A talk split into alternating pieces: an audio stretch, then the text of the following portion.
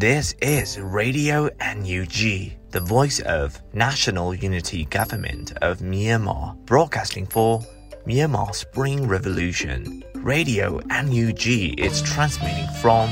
shortwave 16 meter 17.79 megahertz at 8:30 a.m. and 25 meter 11.94 megahertz at 8:30 p.m. Myanmar Standard Time. မင်္ဂလာပါခင်ဗျာ အမျိုးသားညီညွတ်ရေးအစိုးရရဲ့အတန်လွင့်ဌာန Radio NUG ကိုမနက်ပိုင်း၈နာရီခွဲမှာလိုင်းတို16မီတာစက္ကန့်တက်သမ9 MHz ညပိုင်း၈နာရီခွဲမှာလိုင်းတို25မီတာ17တက်သမ6 MHz တို့မှာဓာတ်ရိုက်ဖမ်းယူနိုင်နိုင်ပါပြီမင်္ဂလာအပေါင်းနဲ့ပြည့်စုံကြပါစေအခုချိန်ကစပြီး Radio NUG အစီအစဉ်တွေကိုဓာတ်ရိုက်အတန်လွှင့်ပေးနေပါပြီ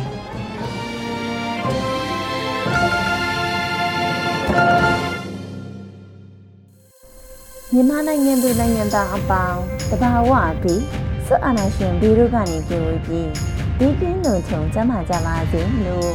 ရေဒီယိုအန်ယူဂျီအဖွဲ့သားများကစစ်တောင်းမြတ်တာပို့တာလိုက်ရပါတယ်ရှင်ပထမဆုံးအနေနဲ့ကာကွယ်ရေးဝန်ကြီးဌာနရဲ့စစ်ရေးသတင်းကျဉ်းချုပ်ကိုစောင်းပြနေမှတင်ဆက်ပေးမှာဖြစ်ပါတယ်ရှင် အမျိုးသားညီညွတ်ရေးဆိုရာကာကွယ်ရေးဝန်ကြီးဌာနမှနိုင်စဉ်ထုတ်ဝေတဲ့စစ်ရေးသတင်းအကျဉ်းချုပ်များကိုတင်ပြပေးသွားပါတော့မယ်။တရင်များအရစစ်ကောင်စီတပ်သား35ဦးသေဆုံးပြီး10ဦးထိခိုက်ဒဏ်ရာရရှိခဲ့ကြောင်းတရင်ရရှိပါရခင်ဗျာ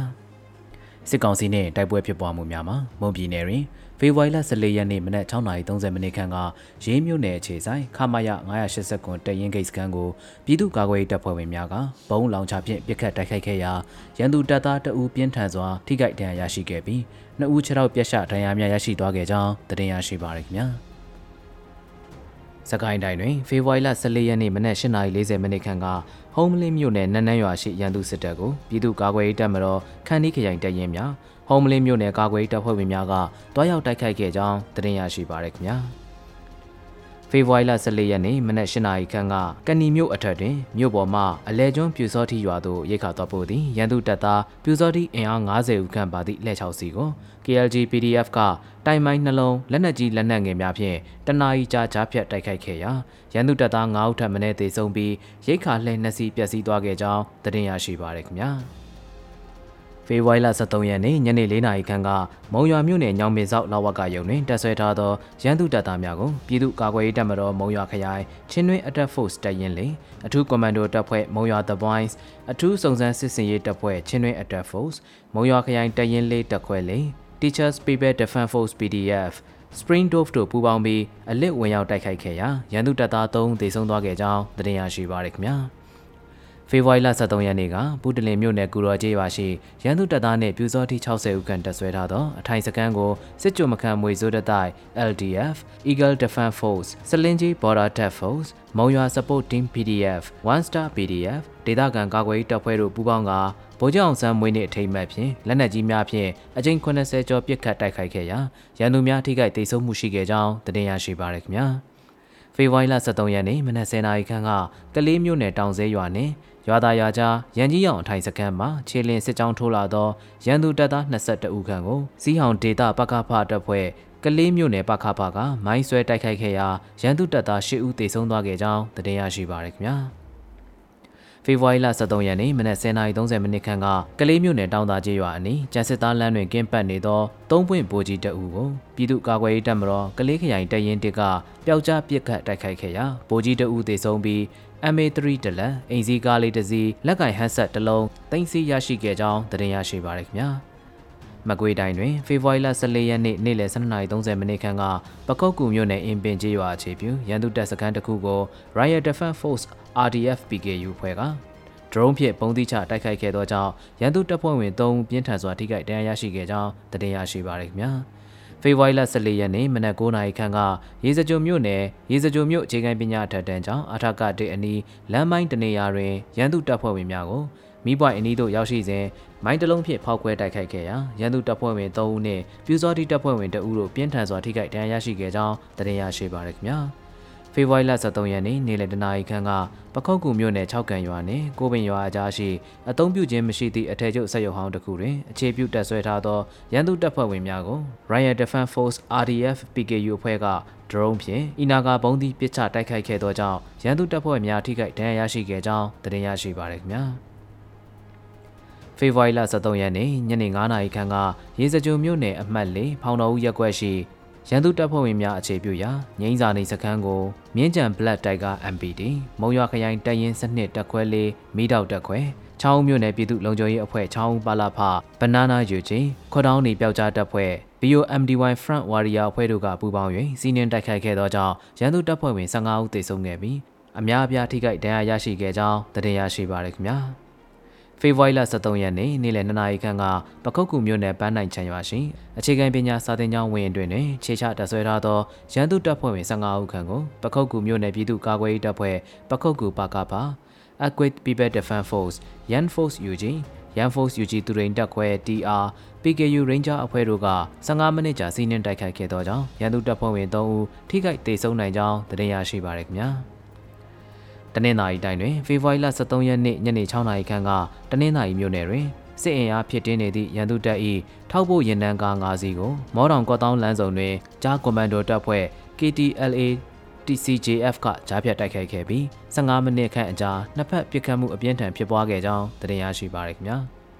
စစ်ကောင်စီကျူးလွန်သောရာဇဝတ်မှုများမှာကချင်ပြည်နယ်တွင်ဖေဖော်ဝါရီလ23ရက်နေ့ည7:00နာရီခန့်ကဖားကန်းမြို့နယ်လုံခင်းကျေးရွာအုပ်စုမော်စီစာကျေးရွာတွင်တနက်ပစ်ခတ်တံကြားရပြီးနောက်14ရက်နေ့မနက်9:00နာရီတွင်အသက်25နှစ်အရွယ်ခန့်ရှိကိုအောင်ကျော်မြင့်၏အလောင်းကိုရန်သူတပ်ဖွဲ့ဝင်များကလာရောက်စစ်ဆေးမှုများပြုလုပ်ခဲ့ကြောင်းသတင်းရရှိပါရခင်ဗျာ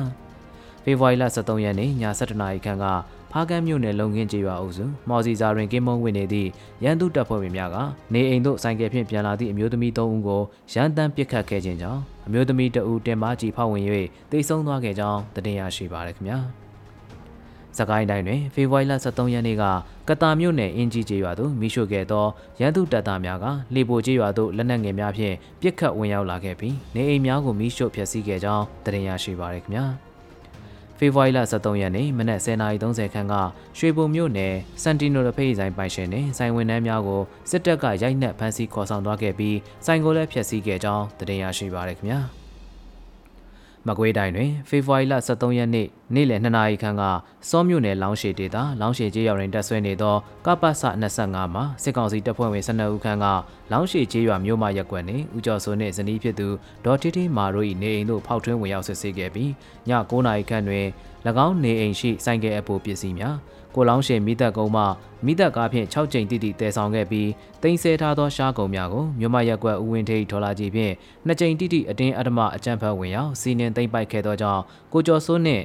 ဇနီးဖြစ်သူမတ်ထေးထေးမာတို့၏ပိုင်ဆိုင်မှုစုစုပေါင်းမြန်မာငွေကျပ်3000ခန့်ဆုံးရှုံးခဲ့ကြောင်းသိရရှိပါရခင်ဗျာ။မန္တလေးတိုင်းတွင်ဖေဖော်ဝါရီလ23ရက်နေ့ည10:00နာရီခန့်ကစင်ကူးမြို့နယ်ရှောက်ပင်ရိုးကျေးရွာအုပ်စု ငပြင်းအင်းကျေးရွာတွင်နေထိုင်သောဦးမန်းနှင့်တားဖြစ်သူမောင်ခင်တို့ကိုရန်သူတပ်သားများကနေအိမ်တွင်လာရောက်ဖမ်းဆီးခဲ့ပြီးရွာတကြီးရွာနှင့်ကျိုးပင်ရွာကြားရှိဆယ်ပေါင်ပေါ်တွင်ပြစ်တက်သွားခဲ့ကြောင်းသိရရှိပါရခင်ဗျာဖေဖော်ဝါရီလ23ရက်နေ့ကစင်ကူးမြို့နယ်ရွာတကြီးကျေးရွာမှ NLD ရက်ကြီးပါတီဝင်ဦးမေအောင်ကိုရန်သူတပ်သားများကဖမ်းဆီးခဲ့ပြီးရွာ၏အရှိတ်ဘက်အထွက်ဝယုံချင်းမြောင်းတွင်ပြစ်တက်သွားခဲ့ကြောင်းသိရရှိပါရခင်ဗျာ တနင်္သာရီတိုင်းတွင်ဖေဖော်ဝါရီလ23ရက်နေ့မနက်7:00နာရီခန့်ကပလောမြို့နယ်တိုချေရွာမှာစစ်ပေးရှောင်နေရသောအသက်48နှစ်အရွယ်ကိုစိုးပုနေအိမ်တွင်ရေပုံးဝင်ယူစဉ်တိုတောင်မော်ရင်တက်ဆွဲထားသည့်ရန်သူတပ်အင်အားများကတနက်ဖြင့်ပစ်တက်ခဲ့ကြောင်းတင်ရရှိပါရခင်ဗျာယခုဖော်ပြလာသောသတင်းများကိုမြေပြင်သတင်းတာဝန်ခံများနှင့်သတင်းဌာနများမှဖော်ပြလာသောအချက်အလက်များပေါ်တွင်အခြေခံပြုစုထားခြင်းဖြစ်ပါတယ်ကျွန်တော်စောတယ်လူနေပါ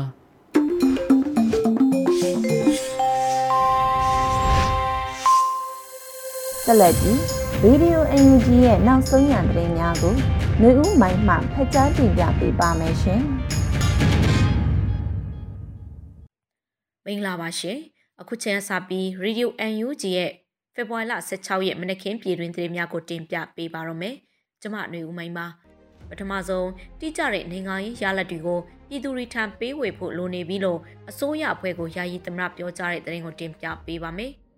တိကျတဲ့နိုင်ငံရေးရလက်တွေကိုပြည်သူတွေထံပေးဝေဖို့လိုနေပြီလို့အစိုးရအဖွဲ့ကိုယာယီသမရဒူဝါလက်ရှိလာပြောကြားလိုက်ပါတယ်။ဖေဖော်ဝါရီ14ရက်အစိုးရအဖွဲ့စည်းဝေးမှာယာယီသမရကဆိုခဲ့ပါတယ်။နှွေဦးတော်လှန်နှစ်နှစ်ပြည့်ပြီးလို့၃နှစ်တာကာလတည်းကိုချင်းင်းဝင်ရောက်လာမှုမှာတိကျတဲ့နိုင်ငံရေးရလဒ်တွေထွက်အောင်စ조사ကြဖို့လိုအပ်ကြောင်းပြောကြားချင်ပါတယ်။ကျွန်တော်တို့ဟာရေဘူးရရှုမြင်ချက်တွေနဲ့ပဲရှေ့ဆက်လို့မရပါဘူး။တိတိကျကျစုပ်စုပ်ကိုင်းကိုင်းပြလို့ ရမယ်နိုင်ငံရေးရလဒ်တွေကိုပြည်သူတွေကိုပေးဝေဖို့လိုနေပါပြီလို့ဆိုပါတယ်။2021ခုနှစ်စက်တင်ဘာ9ရက်မှာပြည်သူ့ခုခံတွန်းလှန်စစ်များစတင်ဖို့အမျိုးသားညီညွတ်ရေးအစိုးရကကြေညာခဲ့ပါတယ်။လက်ရှိမှာတနစ်တာမဟာဗျူဟာစီမံချက်ကိုရေးဆွဲအကောင့်ထဲပေါ်ဆောင်ရွက်လက်ရှိပြီးစစ်ရေးအရှိန်မြင့်တင်သွားမယ်လို့ထုတ်ပြန်ထားပါတယ်ရှင်။ဆက်လက်ပြီး NUG နိုင်ငံချိုင်းဝင်ကြီးဒေါ်စင်မအောင်နဲ့ အမေရိကန်နိုင်ငံချာရီတူးဝင်ကြီးဝင်ဒီရှာမန်တို့ထပ်မံတွေ့ဆုံဆွေးနွေးတဲ့သတင်းကိုတင်ပြပေးပါမယ်။ NUG နိုင်ငံချိုင်းဝင်ကြီးဒေါ်စင်မအောင်နဲ့အမေရိကန်နိုင်ငံချာရီတူဝင်ကြီးဝင်ဒီရှာမန်တို့ထပ်မံတွေ့ဆုံဆွေးနွေးခဲ့လို့တင်ရရှိပါရယ်။ NUG တိုင်းသားအဖွဲ့များနဲ့အရက်ဖက်လူအဖွဲ့အစည်းများအပါအဝင်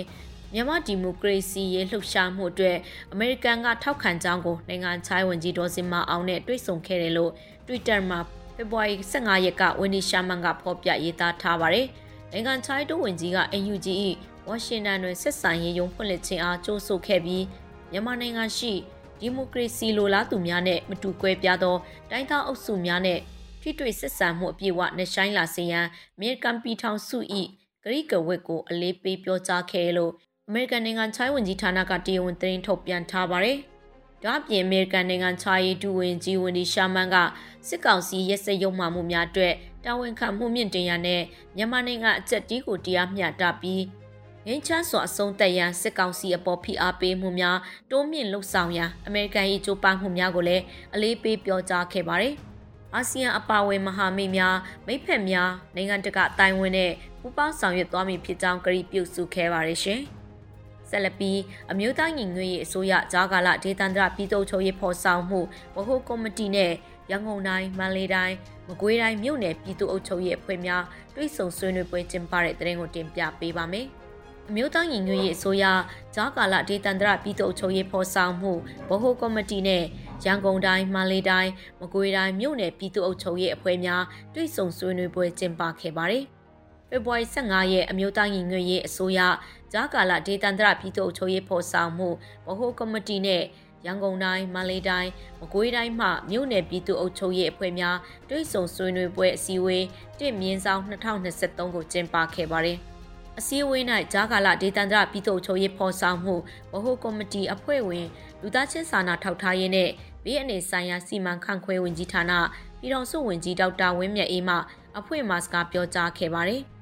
ဆက်လက်ပြီးပြည်ထရေးနဲ့လူမှုကြီးကြပ်ဝင်ကြီးဌာနမှဌာန၏ဖွဲ့စည်းပုံလုပ်ငန်းဆောင်ရွက်ချက်များမူဝါဒနဲ့ထုတ်ပြန်ချက်များကိုရှင်းလင်းပြောကြားခဲ့ပြီးနောက်မြို့နယ်ပြည်သူ့အုပ်ချုပ်ရေးအဖွဲ့ဝင်များမှမူဝါဒလမ်းညွှန်ချက်များလုပ်ငန်းဆောင်ရွက်ချက်များမြေပြင်အခက်အခဲများနဲ့ပတ်သက်၍သိရှိလိုသည့်များကိုအပြန်အလှန်ဆွေးနွေးခဲ့ကြပါတယ်။တွဲဆုံပွဲသောပြည်ထောင်စုဝန်ကြီးဒေါက်တာဝင်းမြတ်အေးမှဦးဆောင်ကပြည်ထောင်စုဝန်ကြီးများဒုတိယပြည်ထောင်စုဝန်ကြီးများ အမြဲတမ်းအတွင်းဝင်များဌာနဆိုင်ရာများမှတာဝန်ရှိသူများနဲ့ရန်ကုန်တိုင်းမန္တလေးတိုင်းမကွေးတိုင်းမှမြို့နယ်ပြည်သူ့အုပ်ချုပ်ရေးဖွဲ့ဝင်များတက်ရောက်ခဲ့ကြပါတယ်ရှင်။ UNG မဟာမိတ်စစ်ဆိုင်ရေးကော်မတီနဲ့ကရင်ပြည်နယ်အတိုင်ပင်ခံကောင်စီတို့အလွတ်တဘောတွေ့ဆုံဆွေးနွေးတဲ့သတင်းကိုဆက်လက်တင်ပြပေးပါမယ်။ AUG မဟာမိတ်ဆက်ဆံရေးကော်မတီနဲ့ကရင်ပြည်နယ်အတိုင်ပင်ခံကောင်စီတို့အလွတ်တဘောတွေ့ဆုံဆွေးနွေးခဲ့လို့တင်ရရှိပါရယ်။အမျိုးသားညီညွတ်ရေးအစိုးရ မဟာမိတ်ဆက်ဆံရေးကော်မတီနဲ့ကရင်ပြည်အတိုင်ပင်ခံကောင်စီ KSCC တို့အလွတ်တဘောတွေ့ဆုံဆွေးနွေးတဲ့အစည်းအဝေးကိုဖေဖော်ဝါရီ14ရက်မှာကျင်းပခဲ့ပါတယ်။အစည်းအဝေးမှာမဟာမိတ်ဆက်ဆံရေးကော်မတီရဲ့တာဝန်ရှိသူတဦးနဲ့ကရင်ပြည်အတိုင်ပင်ခံကောင်စီရဲ့တာဝန်ရှိသူတဦးတို့ကနှုတ်ခွန်းဆက်စကားပြောကြားတာနဲ့စတင်ခဲ့ကြပြီးနောက်လက်ရှိဖြစ်ပေါ်နေတဲ့နိုင်ငံရေးစစ်ရေးကိစ္စရပ်တွေအပေါ်ကဏ္ဍလိုက်ဆွေးနွေးခဲ့ကြပါတယ်။ ထို့နောက်ဆွေးနွေးမှုအပေါ်အခြေခံပြီးရှေ့လုပ်ငန်းစဉ်တွေချမှတ်ခဲ့ကြပါတယ်။ဆွေးနွေးပွဲကိုကရင်ပြည်အတိုင်ပင်ခံကောင်စီ KSCC ရဲ့ဥက္ကဋ္ဌအောင်စမ်းမြင့်ဒုဥက္ကဋ္ဌအေဗလင်းတို့ဦးဆောင်တဲ့အဖွဲ့တက်ရောက်ခဲ့ကြတယ်လို့သိရရှိပါရရှင်။ဆက်လက်ပြီးထိုင်းကကျင်းပမဲ့ Cobra Gold 2023စစ်ရေးလေ့ကျင့်မှုထိုင်ခုံကန့်သက်မှုကြောင့်မြန်မာစစ်တပ်မပါဘူးလို့ထိုင်းနိုင်ငံရဲ့စစ်ပစ်ဆိုင်ရာအကြီးအကဲပြောကြားတဲ့သတင်းကိုတင်ပြပေးပါမယ် ထိုင်းကကျင်းပမဲ့ Cobra Gold 2023စစ်ရေးလေ့ကျင့်မှုထိုင်းကုန်ကန့်သက်မှုကြောင့်မြန်မာစစ်တပ်မပါဘူးလို့ထိုင်းနိုင်ငံရဲ့စစ်တပ်အကြီးအကဲပြောကြားလိုက်ပါတယ်။ဖေဖော်ဝါရီလ28ရက်နေ့ကစတင်စစ်ရေးလေ့ကျင့်မဲ့ Cobra Gold 2023ကိုမတ်လ10ရက်နေ့အထိထိုင်းနိုင်ငံမှာကျင်းပမှာဖြစ်ပါတယ်။ထိုင်းကုန်အီအတွက်ကန့်သက်ထားတာကြောင့်မြန်မာနိုင်ငံကိုဖိတ်ကြားထားတာမရှိဘူးလို့ထိုင်းစစ်တပ်ရဲ့ဗိုလ်ချုပ်တီတီချိုင်တန်တုံကသတင်းထုတ်ပြန်ဆိုထားပါတယ်။ စစ်ရေးလေ့ကျင့်မှုခုနှစ်ခုမှာထိုင်း၊အမေရိကန်၊စင်ကာပူ၊ဂျပန်၊အင်ဒိုနီးရှား၊တောင်ကိုရီးယားနဲ့ မလေးရှားတို့ပါဝင်မှာဖြစ်ပါတယ်ရှင်။ဆက်လက်ပြီးဂျပန်နိုင်ငံနဲ့ကိုရီးယားနှစ်နိုင်ငံပူးပေါင်းပြီးမြန်မာအရေးဆွေးနွေးပွဲကျင်းပမယ့်တဲ့ရင်ကိုတင်ပြပေးပါမယ်။ဂျပန်နိုင်ငံနဲ့ကိုရီးယားနှစ်နိုင်ငံပူးပေါင်းပြီးမြန်မာအရေးဆွေးနွေးပွဲကျင်းပခဲ့ပါတယ်။ New Era Asia Peace Academy မှဦးဆောင်ကျင်းပသော မြန်မာအရေးဆွေးနွေးပွဲတရက်ကိုဂျပန်နိုင်ငံနဲ့ကိုရီးယားနှစ်နိုင်ငံပူးပေါင်းပြီးဖေဖော်ဝါရီလ15ရက်မှာကျင်းပခဲ့ပါတယ်။ဆွေးနွေးပွဲသို့ဂျပန်နိုင်ငံသို့ရောက်ရှိနေသောအမျိုးသားညီညွတ်ရေးအစိုးရ NUG ၏ကိုရီးယားသမ္မတနိုင်ငံဆိုင်ရာကိုယ်စားလှယ်ရုံး၏အကြံပေးပါမုခမစ္စတာအင်ဟွန်ပါကဂျပန်နိုင်ငံဆိုင်ရာ NUG ကိုယ်စားလှယ်စောဘလှသိန်းနဲ့ ကိုရီးယားသမ္မတနိုင်ငံဆိုင်ရာ NUG ကိုယ်စားလှယ်ဦးရနိုင်ထိုးနိုမှတီတီအဖွဲ့မှစကားပြောကြားကြပြီးနှစ်နိုင်ငံမှလှုပ်ဆောင်ချက်များလှုပ်ဆောင်သင့်သည်များကိုဆွေးနွေးခဲ့ကြပါတယ်။ထိုဆွေးနွေးပွဲတွင်ကိုရီးယားမြန်မာဒီမိုကရေစီထောက်ခံရေးလွှတ်တော်အမတ်များတမကမှကိုရီးယားလွှတ်တော်အမတ်များနဲ့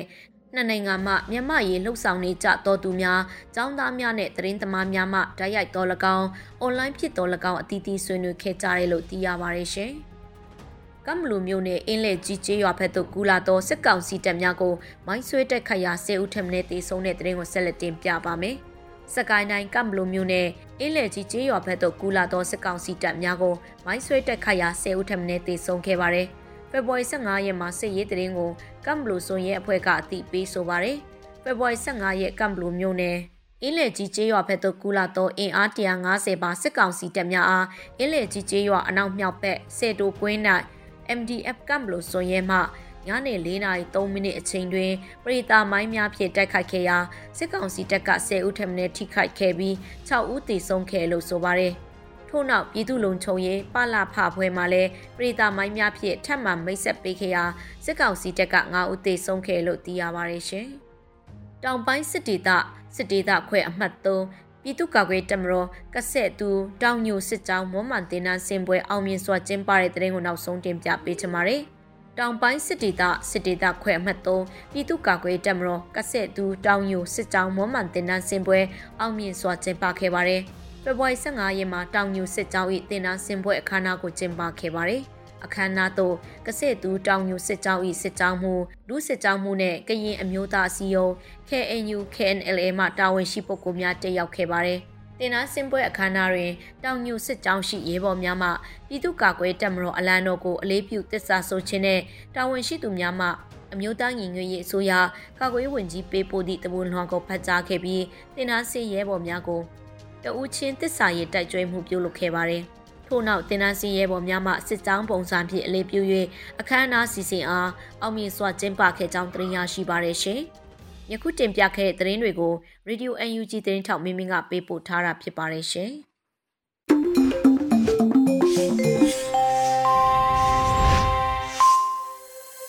ရေဒီယိုအယူဂျီမှဆက်လက်တင်နေပါတယ်။အခုဆက်လက်ပြီးကိုအောင်မိုင်းရေးသားထားတဲ့ချုံမြမြအရက်တစ်ခွက်လိုအမည်ရှိတဲ့ကြရာကို လွတ်လပ်နေမှခန်းစားရဆိုတင်ဆက်ပေးမှာဖြစ်ပါရဲ့ရှင်။ချိုမြမြအရက်တစ်ခွက်ညော်လင့်ချင်းဟာပြားလပုတ်ထဲကပြားရည်ဆက်လို့ချိုမြမြအရက်တစ်ခွက်ပတ်ဝန်းကျင်ဟာစัจ java လာမှာအိမ်သစ်ဆောက်ဖို့လမ်းသစ်ဖောက်နေ နှိုင်းရဓမ္မဟာတိုင်းတာလို့ရတာမဟုတ်ဘူးအချစ်ဆိုတာမြစ်ကမ်းတယောက်အတွက်ပုံပြီးပြပုံထဲကဗုဒ္ဓဟာကြည်စံရာပရဘွားနဲ့အိမ်မက်ကိုတန်းတလို့တစ္ဆာ၄ပါးကိုနှုတ်ဆက်ခဲ့ခွေးတကောင်ဘလောက်မှောင်ပါစေသခင်ကိုသိကြခွေးထက်မိုက်သူတွေသာ သခင်ကိုပြန်ကိုက်ကံကြီးထိုက်အကုန်ဖမ်းကြအကုန်တတ်ကြအကုန်ရှို့ကြတယောက်မှမကြံစီနဲ့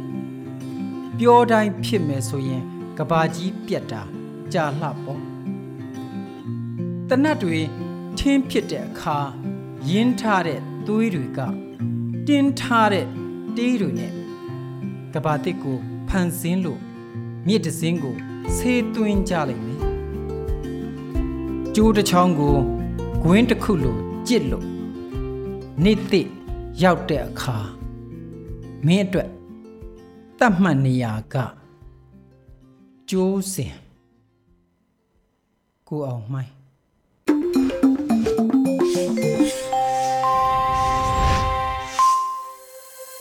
ယခုတစ်ဖန်ပြည်သူ့ခုခံတော်လှန်စစ်တရင်များကို အောင်မြင်ဦးမှဆက်လက်တင်ဆက်ပေးမှာဖြစ်ပါတယ်ရှင်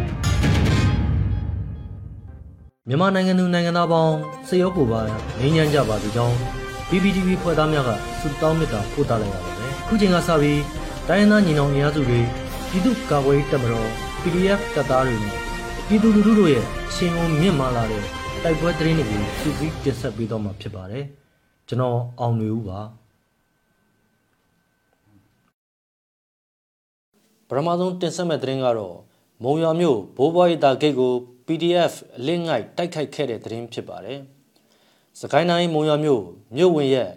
ရေဦးစံတိုင်းကြီးတွင်တက်ဆွဲထားသောအကြမ်းဖက်စစ်သားများကိုအလင်းငိုက်ဝင်းရောက်တိုက်ခိုက်ခဲ့ရာစစ်သား2ဦးတေဆုံးခဲ့ကြောင်းချင်းတွင်အတက်ဖို့ကဆိုပါတယ်။ယမနေ့ဖေဖော်ဝါရီလ14ရက်ည8:15မိနစ်ခန့်ကမုံရွာမြို့ဝင်ရက်ကွက်ရေဦးစံတိုင်းကြီးတွင်တက်ဆွဲထားသောအကြမ်းဖက်စစ်သားများကိုအ ထူးစုံစမ်းစစ်ဆေးရေးအဖွဲ့မှအတန်မိုင်းခွဲကမြားခေါ်ခဲ့ပြီးဘန်ကာထဲမှထွက်လာသောအကြမ်းဖက်စစ်သား2ဦးကိုလစ်ဝင်ရောက်တိုက်ခတ်ရာစစ်သား2ဦးစလုံးနေရာမှာပင်ပွဲချင်းပြီးတေဆုံးသွားကြောင်းသိရပါတယ်။မနေ့ကလည်းမုံရွာမြို့နောက်မြောက်တိုင်းစစ်ဌာနချုပ်နမခကို120မမလက်နက်ကြီးဖြင့်ပစ်ခတ်တိုက်ခတ်ခဲ့ပါတယ်။ဆက်လက်ပြီးရာတော်နောင်ကြီးရန်ရဲစခန်းတိုက်ခိုက်ခံရတဲ့တဲ့ရင်ကိုတင်ဆက်ပါမယ်။စကိုင်းတိုင်းရာတော်မြို့နယ် နောင်ကြီးရန်ရဲစခန်းကိုလက်နက်ကြီးလက်နက်ငယ်များဖြင့်ဝေရောက်ပစ်ခတ်တိုက်ခိုက်ခဲ့ကြောင်းချင်းတွင်အတက်ဖို့ကဆိုပါတယ်။ဖေဖော်ဝါရီလ17ရက်နေ့နေ့12ရက်နေ့တွင်အဆိုပါနောင်ကြီးရန်ရဲစခန်းကိုမုံရခရိုင်ပြည်သူ့ကာကွယ်ရေးတပ်မတော်ချင်းတွင်အတက်ဖို့တရင်သုံးတက်ခွဲသုံးဂလုံနဲ့ PDF ကျက်တဲ့နဲ့ပျောက်ကြားတပ်ဖွဲ့နဲ့ဒေါ်လာရင်းအင်အားစုများပူးပေါင်းကလက်နက်ကြီးလက်နက်ငယ်များဖြင့်ဝင်ရောက်တိုက်ခိုက်ခဲ့ခြင်းဖြစ်ပြီးရဲစခန်းတွင်သို့လက်နက်ကြီးကြောက်ခဲ့တော့လဲ ထိခိုက်ဒေဆုံးမှုအခြေအနေကိုမသိရသေးကြောင်းသိရပါတယ်။နောက်ဆုံးတင်ဆက်မှာကမကွေးတိုင်းတွင်းရှိစီးပြစ်မှတ်16ခုကိုမဟာဗျူဟာကြကြတပြိုင်တည်းတိုက်ခိုက်ခဲ့တဲ့သတင်းဖြစ်ပါတယ်။မကွေးတိုင်းတရမြို့နယ်မကွေးမြို့နယ်စလင်းမြို့နယ်စိတ်ဖြူမြို့နယ်ပေါက်မြို့နယ်ရေစကြိုမြို့နယ်စောမြို့နယ်ထီးလင်းမြို့နယ်ဂံကောမြို့နယ်တို့ရှိအကြမ်းဖက်စစ်သားများတပ်ဆွဲထားရာနေရာများကိုမဟာဗျူဟာကြကြတိုက်ခိုက်ခဲ့ကြောင်း NUG ကာကွယ်ရေးဝန်ကြီးဌာနထံမှသိရပါတယ်။ဖေဖော်ဝါရီလ10ရက်နေ့9ရက်နေ့များတွင်ဆိုဘာစီးပြစ်မှတ်များကိုမြို့သားညီညွတ်ရေးဆိုရကာကွယ်ရေးဝန်ကြီးဌာနအမှတ်1စစ်ဒေသတပ်ဆိုင်ရာခရိုင်ကုကရေးအဖွဲ့များ၏ကုကဲမှုနှင့်မဟာဗျူဟာကြကြဟန်ချက်ညီညီတိုက်ခိုက်နိုင်ငံချင်းဖြစ်ပြီးတိုက်ပွဲများတွင်ကျမ်းဖက်စစ်သား32ဦးတေဆုံးခဲ့ကြောင်းအများပြားထိခိုက်ဒဏ်ရာရရှိခဲ့ကြောင်းအကျမ်းဖက်စစ်တပ်၏ပင်မအဆောက်အအုံများဘားတိုင်းများ ပျက်စီးခဲ့ပြီးကားလက်နက်ငယ်များကြီးစံများသုံးဆောင်ပစ္စည်းများတင်စီရရှိခဲ့ကြောင်းသိရပါတယ်။စစ်စင်ရေးတိုက်ပွဲများမှာပြည်သူ့ကာကွယ်တပ်ဖွဲ့ဝင်ချို့ထိခိုက်ဒဏ်ရာရရှိခဲ့ကြောင်းလည်းသိရပါတယ်ခင်ဗျာ။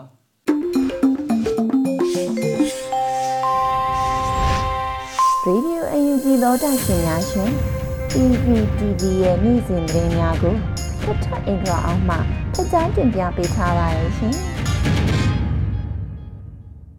နိုင်ငံတကာ Republican Institute IRI ရဲ့ဒုတိယဥက္ကဋ္ဌဖြစ်သူနဲ့ဦးဆောင်တဲ့အဖွဲ့ဟာ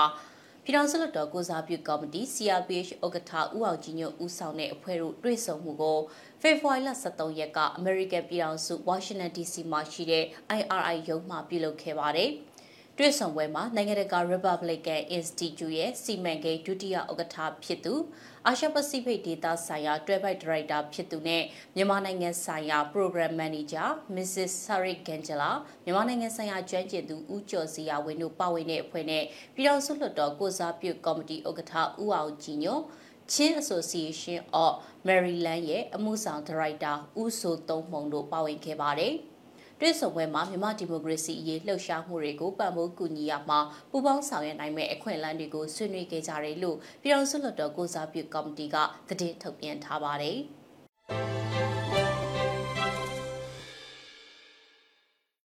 ဆလတ်တင်ဆက်ပေးမှာကတော့ကော်တူလေးနယ်မြေမှာဇန်နဝါရီလအတွင်းတိုက်ပွဲ400ကျော်ဖြစ်ပွားပြီးတော့အကြမ်းဖက်စစ်ကောင်စီတပ်က460ကျော်တိစုံတယ်ဆိုပြီးတော့ KNU ကထုတ်ပြန်လိုက်တဲ့သတင်းမှာ ကရင်မျိုးသားစီယို KNU ကော်တူလီအုပ်ချုပ်နယ်မြေမှာဇန်နဝါရီလအတွင်းတိုက်ပွဲပေါင်း430ကျော်ဖြစ်ပွားခဲ့ပြီးအကြမ်းဖက်စစ်တပ်က460ကျော်တိစုံပြီးထိခိုက်မှုများပြားခဲ့တယ်လို့ KNU ဗဟိုကထုတ်ပြန်ထားပါတယ်။ကရင်မျိုးသားလွတ်မြောက်ရေးတပ်မတော် KNL ကရင်မျိုးသားကာကွယ်ရေးတပ်ဖွဲ့ KNDO KNL KNDO တို့ရဲ့စစ်ရေးဦးဆောင်မှုအောက်မှာရှိတဲ့စစ်ကြောင်းများ ဒရုန်းတပ်ဖွဲ့များပြည်သူ့ကာကွယ်ရေးတပ်များစတဲ့တော်လှန်ရေးတပ်ဖွဲ့တွေနဲ့အကြမ်းဖက်စစ်တပ်တို့ကြားတိုက်ပွဲတွေဖြစ်ပွားခဲ့တာဖြစ်ပြီးတော့ဇန်နဝါရီလတလတာတွင်တိုက်ပွဲ436ကြိမ်ဖြစ်ပွားခဲ့ရာကျန်းဖက်စစ်ကောင်စီတပ်နဲ့လက်အောက်ခံနေကြားဆောင် BGF ဘက်က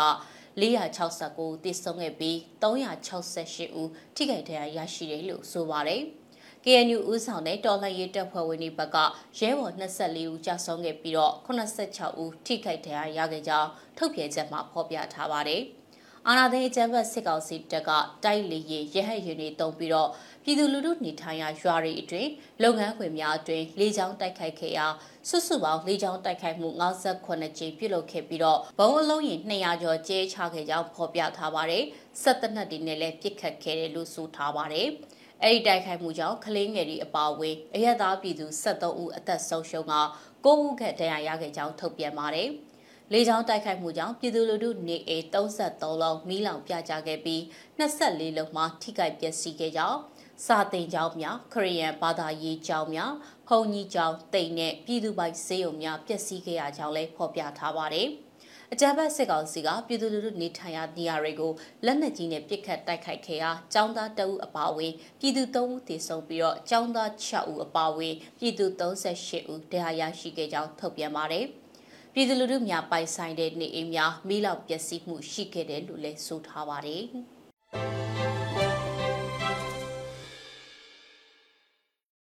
ဆရာတင်ဆက်ပေးမှာကတော့ WAB အဖွဲ့မှမြင်းချံခရိုင်ပြည်သူ့ကာကွယ်ရေးတပ်ရင်းတွေကို COC နဲ့ Federal Democracy အကြောင်းများသင်တန်းပေးတဲ့တဲ့မှာ အမျိုးသမီးမဟာမိတ်အင်အားစု WAB အဖွဲ့ဝင်တဲဦးကဦးဆောင်ပြီးတော့2023ခုနှစ်ဇန်နဝါရီလကစကိုင်းတိုင်းဒေသကြီးအတွင်းအခြေစိုက်လျက်ရှိတဲ့မြင်းချံခရိုင်ပြည်သူ့ကာကွယ်ရေးတပ်ရင်းတချို့နဲ့မြောင်ပြည်သူ့ကာကွယ်ရေးအဖွဲ့များမြောင်ပကဖားများရည်စကြို local PDF တွေကို Federal Democracy ဆိုင်ရာအကြောင်းအရာတွေနဲ့ COC နှစ်ရက်ဖြစ်တဲ့ Chains of Command Code of Conduct များအကြောင်းဆွေးနွေးပို့ချခဲ့ပါတယ်။ Federal Democracy ရရှိရေးအတွက်တိုက်ပွဲဝင်နေကြတဲ့ပြည်သူ့ကာကွယ်ရေးတပ်ဖွဲ့တွေမှာအခြေခံနိုင်ငံရေးအသည့်နဲ့စစ်ရေးအသည့်ရှိကြဖို့အထူးလိုအပ်တယ်လို့ထင်မြင်တဲ့အတွက်အခုလိုနိုင်ငံရေးနဲ့သက်ဆိုင်တဲ့တင်နန်းများဟောပြောပွဲများကိုပြုလုပ်ပေးခဲ့တာပါလို့အမျိုးသမီးမဟာမိတ်အင်အားစု WAB ဦးဆောင်ဖွဲ့ဝင်တအူးက PVTV ကိုပြောပါတယ်။ ဒါအပြင်ကြန့်ရှိနေတဲ့ဒေတာတွေမှာလည်းပြည်လုံနိုင်ဖို့ဆက်လက်ကြိုးပမ်းသွားမှာဖြစ်ကြောင်းသိရှိရပြီးတော့ပြီးခဲ့တဲ့ရက်ပိုင်းကလည်းမန္တလေးနဲ့မုံရွာဘက်ကတော်လှန်ရေးအင်အားစုတွေဦးဆောင်ပြီးစကိုင်းတိုင်းစလင်ကြီးအခြေဆိုင်ကာကွယ်ရေးတပ်ရင်းတွေကိုအလားတူတင်ဒဏ်မျိုးတွေပေးခဲ့တယ်လို့သိရပါတယ်။ပြည်သူနဲ့ပြည်သူကြားကပေါင်းကူတလားစင်ဖြစ်ဖို့ရည်ပြည်သူစီခွန်အားပေးကူညီ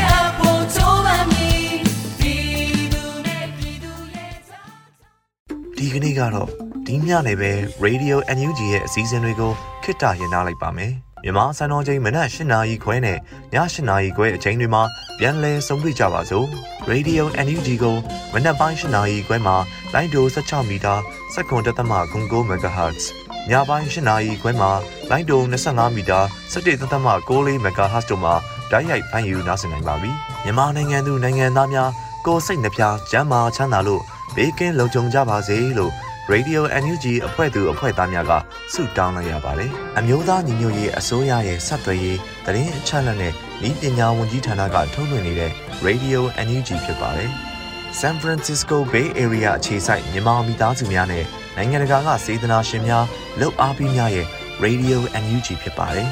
။အရေးတော်ပုံအောင်ရမည်